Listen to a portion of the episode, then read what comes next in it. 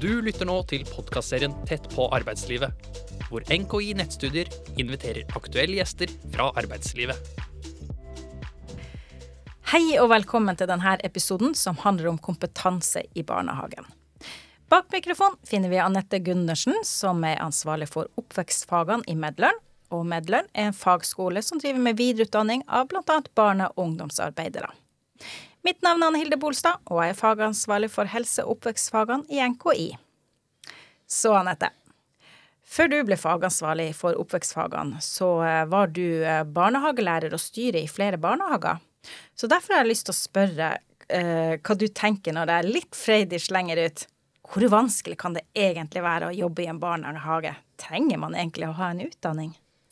Ja, jeg tenker jo at det er vanskelig, men så syns jeg det høres så negativt ut. Så, og sånn ønsker ikke jeg å snakke om i yrket mitt. Så det som er viktig å formidle, er hvor meningsfylt det er. Og dermed vil jeg endre det til å si hvor viktig er jobben som gjøres i barnehagene. Og det tenker jeg er virkelig viktig. Uh, og det er i alle fall ikke noe tvil tenker jeg, om at man trenger kompetanse for å utføre dette yrket. I dag så går over 90% av barna i Norge i barnehage, og det er en utrolig viktig oppvekstarena for barna våre. Og da sier det seg jo selv at det kan ikke være tilfeldig hvordan vi løser dette samfunnsoppdraget som vi har. Vi får stadig mer sammensatte barnegrupper. Barna er lengre i barnehagen enn tidligere, og det er utvilsomt mange krav som stilles til oss som jobber i barnehage. Bare for å liksom si det veldig sånn kort, så er det faktisk i rammeplanen vår så er det 98 skal. Og det fordrer jo at eh, man er godt kjent med denne forskriften, og ikke minst at man er uhyre bevisst på hvordan man løser dette oppdraget. Fordi at eh, et skal, det er eh, man skal, jo, man skal jo gjøre det, men det krever jo på en måte refleksjon om hvordan vi utfører alle skallene. Så, så, dette her, det er, er, for meg veldig åpenbart at kompetanse trengs for å gjøre denne viktige jobben. Ja, men uh, har du noen uh, konkrete eksempel på arbeidsoppgaver som krever utdanning? Ja, Da kan jeg jo igjen gå til uh, forskriften våre. Der står det at vi skal i samarbeid og forståelse med hjemmet ivareta barns behov for omsorg, lek, fremme læring og danning som grunnlag for allsidig utvikling. og tidligere så hørte jeg tidligere i min barnehagekarriere, må jeg si, at det var mange som kunne liksom komme med kommentarer som at alle kan vel passe barn. Og det er klart at hvis man tenker at å passe barn er det man driver på med, så det jo, kan det jo være mulig at man tenker de tankene. Men, men med den setningen som jeg leste opp nå, så, så, sier det seg selv at det er noe helt annet vi driver med i barnehagene i dag mm. enn å passe barn.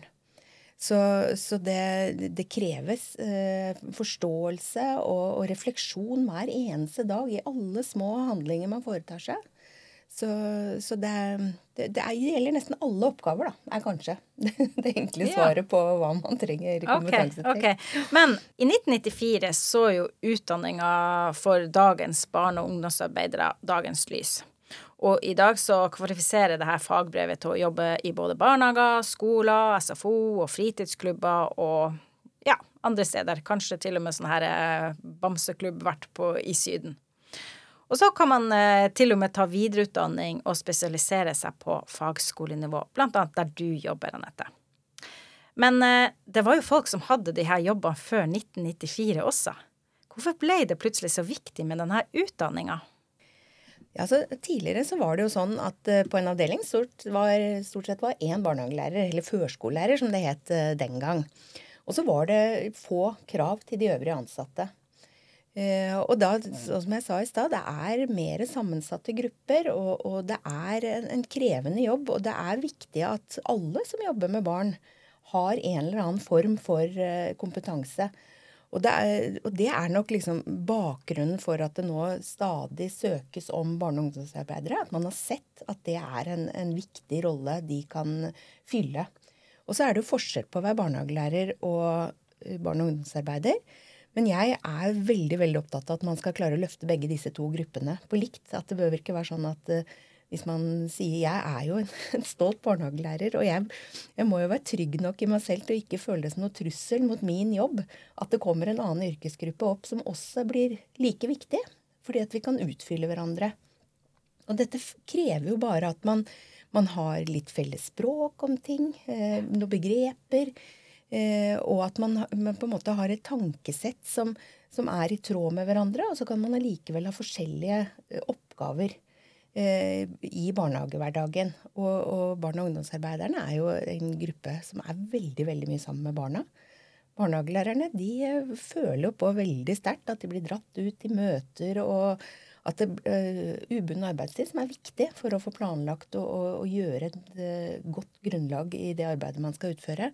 Men det for, gjør jo at man er litt mer borte fra barna. Mens barne- og ungdomsarbeiderne de bare er der og jobber på sammen med barna hele tiden. Så de er jo en veldig, veldig viktig gruppe. Og det er det med å klare å løfte disse to yrkesgruppene sammen, det er liksom mitt store drøm, da. At man skal kunne virkelig se gevinsten av begge. Barne- og ungdomsarbeideren kanskje mer praktisk rettet i sitt arbeid. Og det er superviktig. Så, så det, det, er nok samfunnsutviklingen og, og, rollen barnehagen har i samfunnet i dag, som gjør at det er andre krav nå enn i 94. Ja. Men uh, tror du at foreldrene egentlig bryr seg om om barnehagen barnet går i, har faglærte ansatte? Uh, eller kommer man ikke ganske langt med å ha det omsorgsgenet? Nei, jeg tenker jo igjen at dette handler jo om å, å synliggjøre gruppen, da. Jeg vet at det er veldig mange foreldre som er superglad i barne- og ungdomsarbeidere. De ser jo at dette er ansatte som er mye sammen med barna sine. Og de ser at det er viktige, viktige voksenpersoner. Og så tenker jo jeg at som barnehagestyrer tidligere at jeg kan kjenne på en sånn vond klump i magen nå at har jeg vært god nok på å løfte frem? At jeg, at jeg har virkelig tydeliggjort den kompetansen barne- og ungdomsarbeiderne har. Og det tror jeg hele sektoren vår må ta litt selvkritikk på, rett og slett. At vi, vi har ikke vært gode nok på å løfte fram denne viktige gruppa. Uh, og, og, det er klart at for foreldrene å også bli kjent med ja, hva ligger i å være en barne- og ungdomsarbeider, det ville også bidra til at uh, enda mer at de, de så uh, hvor viktige disse ansatte er. Så jeg er veldig, veldig sikker på at foreldre bryr seg.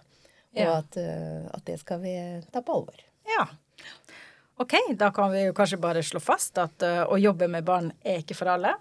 Absolutt ikke. Eh, og det krever at man har en kompetanse og forståelse uh, for det viktige man, arbeidet man gjør. For det, vi, vi, er vel enige om at det er veldig viktig arbeid. Så tusen takk for praten, Anette. Takk for meg. Du har nå lyttet til en podkast fra NKI Nettstudier. Hvis du er nysgjerrig på våre studier, gå inn på nki.no.